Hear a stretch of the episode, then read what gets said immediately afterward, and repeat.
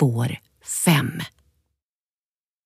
Det blir så tyst i ödehuset att man skulle kunna höra en knappnål falla.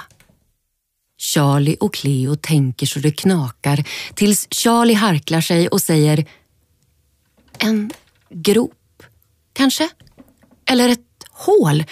Ja, det gissar vi på. Ett hål. Listigt, mycket listigt, skrockar den gamla damen och ler ett tandlöst leende. Då är det alltså du som får klättra ner till min käre make genom det där hålet.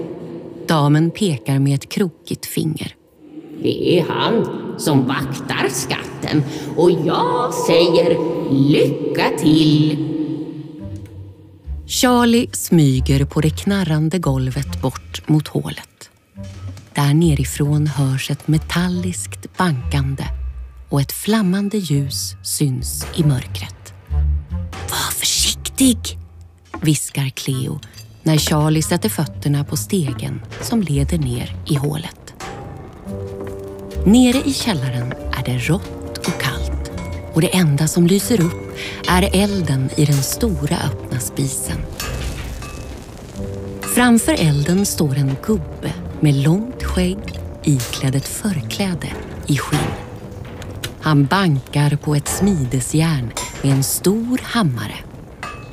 Men när han får se Charlie slutar han med bankandet. Nå, vad är det för en liten parvel som kommer och hälsar på här nere i källaren? Du är väl ute efter skatten, kan jag tro? Charlie sväljer hårt. Jo, det stämmer. Din, din fru sa att det var du som hade den. Nog är det så alltid. Men det har egentligen du också. Säg mig, vad är det som bankar hela natten utan att väcka dig? Hmm. Bankar, sa du? Hmm. Ja, men hjärtat. Hjärtat bankar. Mm, du är inte så dum som du ser ut du. Ditt hjärta är en riktig skatt. Glöm inte det. Men så ska ni naturligtvis ha de här också. Två silvermynt lägger han i Charlies hand. De blänker i eldens sken.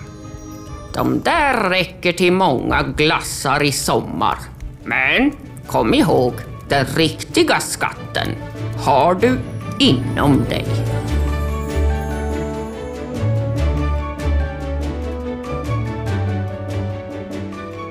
Du har lyssnat på Cleo och den gåtfulla skattjakten av och med mig, Linn-Maria Vågberg, för McDonalds Sverige på Spotify. Producerat av Efterklang.